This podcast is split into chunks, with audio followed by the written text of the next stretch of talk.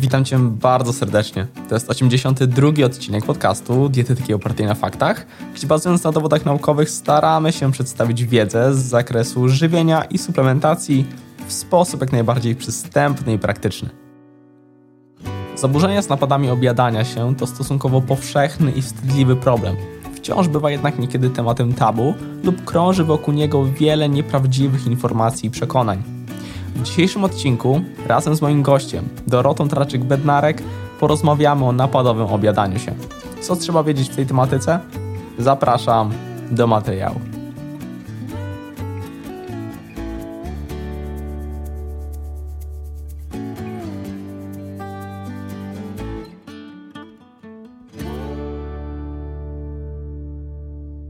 Cześć, witaj Dorota. Cześć Radku.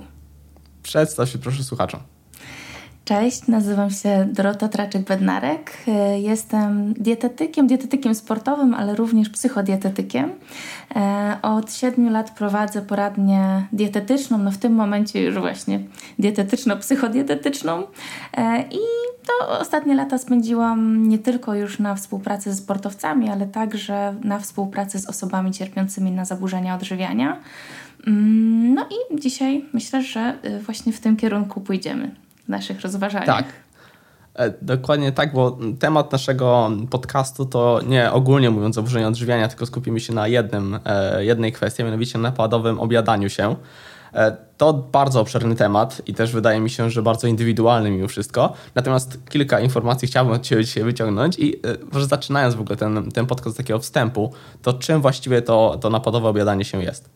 Mhm, napadowe objadanie się no, w takiej charakterystyce ogólnej będzie spożyciem obiektywnie dużej ilości jedzenia w dosyć krótkim czasie. E, no i to, co jest takie bardzo, bardzo mm, specyficzne w tym i czym możemy odróżnić to od na przykład mm, zjedzenia za dużo poprzez tak zwane łakomstwo, e, to jest to, że w trakcie takiego napadu objadania się danej osobie towarzyszy uczucie mm, utraty kontroli podczas takiego epizodu. Więc to jest y, coś, co nie jest zazwyczaj planowane, znaczy może być planowane, ale jeżeli y, i tak się odbywa, to zazwyczaj to uczucie utraty kontroli się mm, pojawia. Mhm. I taki, jak wygląda taki przeciętny napad takiego e, związany z tym problemem? Mhm. Przeciętny trudno jest powiedzieć, ponieważ e, tutaj e, ten um, zakres, jeżeli chodzi o. No bo możemy mówić sobie o napadzie jako o tym, ile to kalorii mniej więcej um, jest spożywane tak, w trakcie takiego napadu. Tutaj zwykle um, obracamy się od 1000 do 2000 kalorii mm, przy jednym napadzie. Natomiast oczywiście są osoby, które spożywają 5000, 6000, 7000 i nawet więcej, ale uczucie utraty kontroli może także mm, pojawiać się e, takie bardzo subiektywne w momencie, kiedy e, dana osoba spożywa na przykład 500, tysięcy, 500, 500 kalorii, przepraszam, podczas, podczas napadu, co mm, raczej występuje w takim tak zwanym subiektywnym napadzie obiadania się, czyli obiektywnie nie jesteśmy w stanie powiedzieć, że to jest duża ilość jedzenia, natomiast ta osoba czuje, że utraciła kontrolę, jest to, jest to pokarm, którego nie chciała spożywać. No i wtedy ona może nazwać to napadem. Mhm, czyli różnice są bardzo duże międzyosobnicze. E, tak, tak. No to mówię, no, zazwyczaj jednak, jeżeli mm, współpracuję z osobą cierpiącą na napadowe obiadanie się i nazywamy to już y, napadowym obiadaniem się, czyli zazwyczaj dana osoba wpisuje się w klasyfikację mm, DSM-5, no to, to tutaj te napady no, muszą być obiektywnie duże, nie? czyli mm, no, stwierdzimy, że, że tych kalorii jest y, zdecydowanie no, no za dużo, nie? Też, też jeżeli chodzi o taki przykładowy napad, to tutaj przede wszystkim mówimy o, mm, sytuacji, w której dana osoba spożywa pokarmy, których na co dzień, um, których na co dzień e, nie spożywa, czyli omija je. Są to zazwyczaj produkty, e, które opisywane są jako e, złe przez tą osobę, niedozwolone. No, często są to pro, produkty o bardzo wysokiej smakowitości, które, do której dana osoba przywiązuje też takie. Mm, takie nacechowanie jako produkty tuczące. No, niezdrowe dla niej, tak? E, takie też, które zazwyczaj wykluczała w ramach jakichś wcześniejszych mm, restrykcji dietetycznych, więc, e, więc, więc też to możemy od razu sobie skojarzyć, że w tym przypadku będziemy mówić o mm, bardzo, bardzo mm, trudnych doświadczeniach, ponieważ nie dość, że tracimy kontrolę nad sobą, bo jeżeli tracimy kontrolę nad jedzeniem, to od razu e, przychodzi nam do na myśl coś takiego, że nie mamy po prostu kontroli nad sobą, nad swoim jedzeniem. E, no a po drugie jeszcze jemy to, czego nie chcemy jeść, co uważamy za złe, niedobre. E, czujemy się potem no, bardzo źle tutaj, tutaj bardzo dużo też rzeczy mi przychodzi na myśl, ponieważ e, takie osoby bardzo często e, no oczywiście wstydzą się tego problemu. Nie? To, jest, e, to, jest, to jest bardzo trudne w tym, w tym aspekcie, więc dochodzi też e, taka, mm, takie poczucie utrzymywania tego wszystkiego w tajemnicy. W związku z czym no, możemy sobie wyobrazić, że e, wszystkie emocje, które towarzyszą napadowi, nie są związane tylko z dyskomfortem, które, które dane osoby odczuwają po takim napadzie, fizycznym oczywiście, no ale przede wszystkim psychicznym. Hmm, ciężko jest to zobaczyć z zewnątrz, tak? Takie, e, że ktoś boryka się na przykład z napadowym objadaniem się. Tak, no zazwyczaj jest to oczywiście tajemnicą, nie? Nikt, nikt jakoś specjalnie się tym nie chwali. Więc też to pokazuje, jak bardzo ważna jest taka pomoc, no, zaufanie do, do specjalisty, opowiedzenie mu o tym e, i też e, no, zrzucenie z siebie tego, tego ładunku nie? emocjonalnego, który przy tym wszystkim jest. Mhm. I, I, skąd takie napadowe obiadanie się bierze? Jaka jest przyczyna tego problemu, z czego mogą wynikać takie napady? Mhm. E, z czego mogą wynikać napady, czy z czego mogą, może wynikać w ogóle pojawienie się tego problemu i potrzeby rozładowywania czegoś, tak, jakichś silnych emocji zazwyczaj poprzez, mm, poprzez e, właśnie jedzenie, które jest takie bardzo kompulsywne, no zazwyczaj ono jest też, mm, to jeszcze troszeczkę tylko opiszę to, żebyśmy, żebyśmy też mieli e, wyobrażenie, że e, napad to też nie jest takie spożycie sobie spokojnie po prostu bardzo dużej ilości jedzenia, no zazwyczaj jest to, odbywa się to zazwyczaj w dosyć szybkim tempie, Mm, takiej nerwowości, więc e, tutaj też no warto jest mieć to po prostu na uwadze w momencie, kiedy o tym mówimy.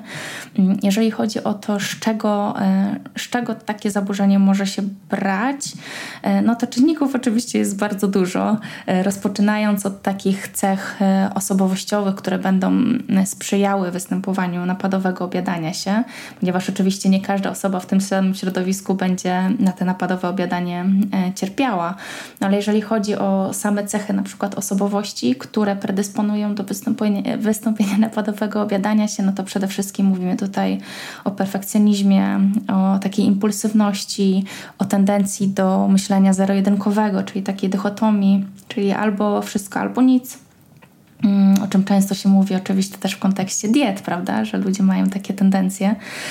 Mm, no dodatkowo, no bardzo, bardzo, bardzo e, poważny poważna podstawa właściwie każdego zaburzenia odżywiania no to jest niskie poczucie własnej wartości, e, które później mm, no, też skupia się na tym, że zaczynamy bardzo dużą e, uwagę przywiązywać do swojej, e, do swojej figury, masy ciała, potrzebie mm, ciągłego dążenia do jakichś tam, mm, jakichś tam swoich standardów. E, czy, czy nawet nie swoich, tylko, tylko, tylko standardów e, określonych gdzieś tam w mediach społecznościowych. E, no ale, ale to, co, to, co jest moim zdaniem tutaj też bardzo, bardzo istotne i co za każdym razem właściwie, kiedy pracuję z osobą cierpiącą na napadowe obiadanie się pojawia, no to jest nieumiejętność i pro, problem w radzeniu sobie z bardzo silnym napięciem emocjonalnym plus um, bardzo negatywny dialog wewnętrzny, nie? Czyli e, tutaj no, nie mamy wypracowanego takiego um, takiej umiejętności e, bycia dla siebie dobrym. E, raczej jesteśmy swoim przeciwnikiem i no właśnie, bardzo dużo od siebie wymagamy.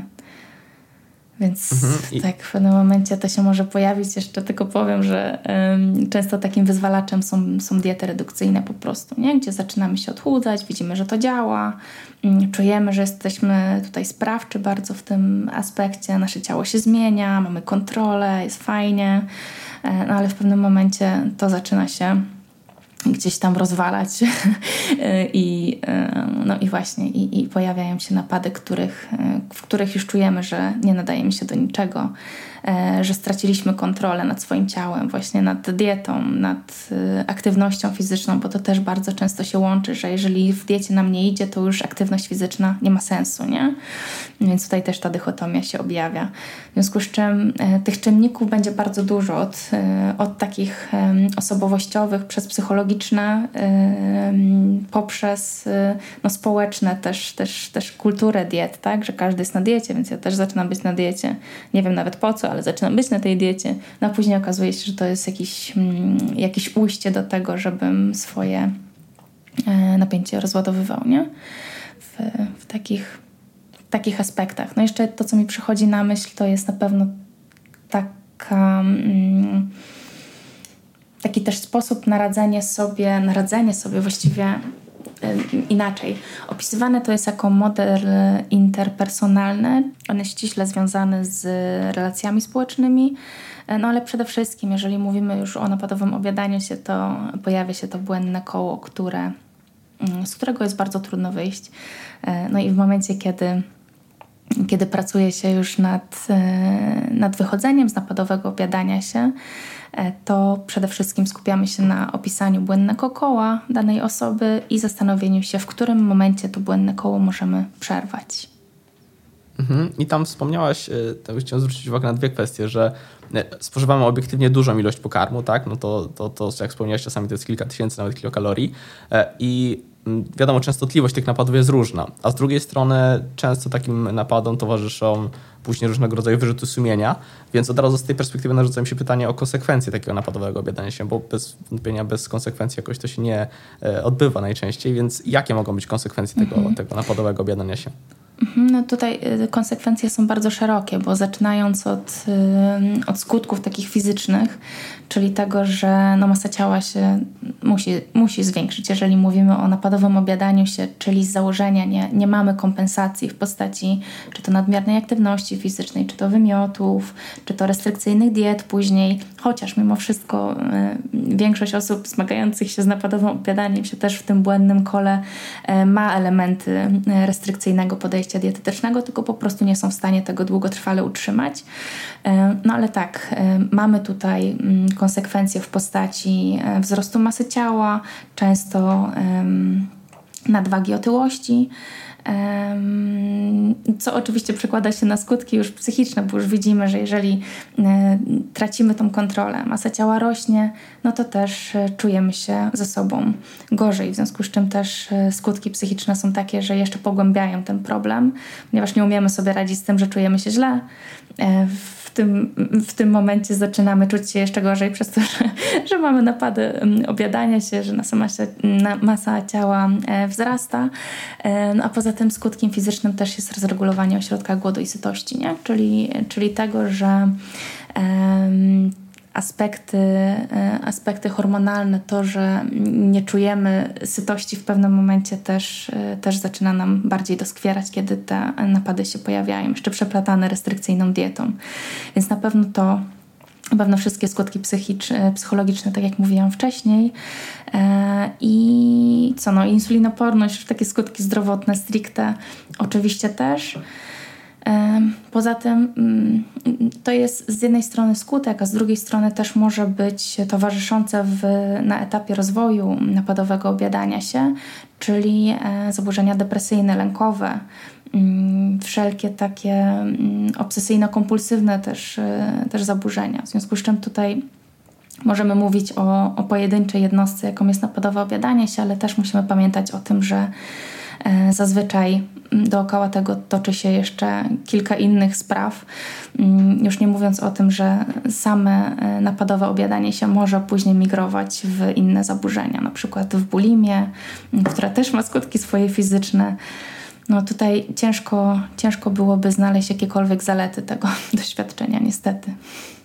Mhm. I generalnie kwestia poradzenia sobie z napodobnym obiadaniem się pewnie jest mocno indywidualna, natomiast chciałbym zapytać Cię, że gdybyś miała wskazać takie jedną, może dwie rzeczy kluczowe, na co zwrócić uwagę w kontekście właśnie radzenia sobie z tym problemem. To na co byś, o czym byś wspomniała? Mhm.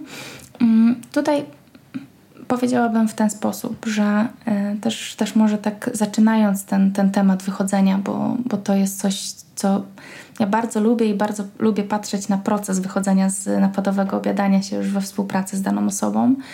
Mm, musimy pamiętać, że te osoby, które już zgłaszają się do specjalisty, one zazwyczaj mają ogrom swoich doświadczeń związanych z próbami wyjścia z napadowego obiadania się samodzielnego, no, ze względu też na to, że ten wstyd był na tyle duży, że zazwyczaj no, nie sięgają po tą pomoc y, od razu po pierwszym napadzie, prawda? To zazwyczaj jest już kilka miesięcy, zazwyczaj te dolegliwości, skutki są na tyle doskwierające, że dana osoba stwierdza, że kurczę, jednak sobie nie poradzę, nie? Jednak, jednak jest, y, jest, jest źle, czuje się coraz gorzej, mm, stosuje coraz bardziej E, no może intuicyjne tutaj techniki e, chęci poradzenia sobie z tym, niestety one nie działają. Zazwyczaj techniki samodzielnego radzenia sobie to jest właśnie coraz większa restrykcja, co, no tak jak e, wiemy, będzie tylko działało na niekorzyść danej osoby. W związku z czym tutaj przede wszystkim w pierwszej kolejności ja teraz będę mówiła ze strony współpracy psychodietetycznej, ponieważ to jest coś, co, w czym mam największe doświadczenie. Mm, w pierwszej kolejności myślimy sobie i patrzymy na to, jakie e, zaburzone zachowania żywieniowe poza samymi napadami występują. Czyli nie skupiamy się na tych napadach, ale skupiamy się na tym, w jaki sposób dana osoba mm, prowadzi swoją dietę, do jakich zasad się stosuje, do jakich zasad z poprzednich diet się stosuje, bo to jest bardzo ważne, że mm, większość tych osób mimo wszystko było na ogromne ilości diet, w związku z czym z każdej sobie coś tam wyciągnęło i coś stara się przemycać, no bo jeszcze przecież to mi może pomóc w tym momencie, nie? Może nie przytyję tak dużo, a może schudnę, tak? A może będę zdrowsza i tak dalej.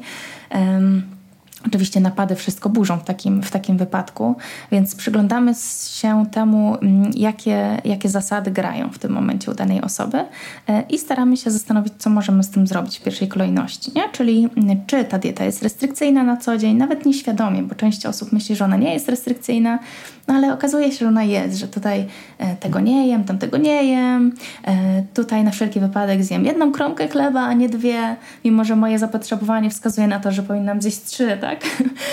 Często normalna dieta u tych osób wydaje się być taka um, nacechowana mimo wszystko dietami restrykcyjnymi, ale to wynika z tego też, że te osoby zazwyczaj nie były na diecie normokalorycznej ułożonej kiedyś przez kogoś, nie? Czyli jeżeli stosowały jakieś diety restrykcyjne, tam w śniadaniu była jedna kromka, to dla tej osoby ta jedna kromka na śniadanie to jest, um, to jest norma, tak? To jest y, właściwa dieta. Gdzie to jest dalej e, restrykcja, dalej deficyt energetyczny, w związku z czym to e, nigdy nie będzie wspierać napadowego obiadania się, mm, wychodzenia z napadowego obiadania się.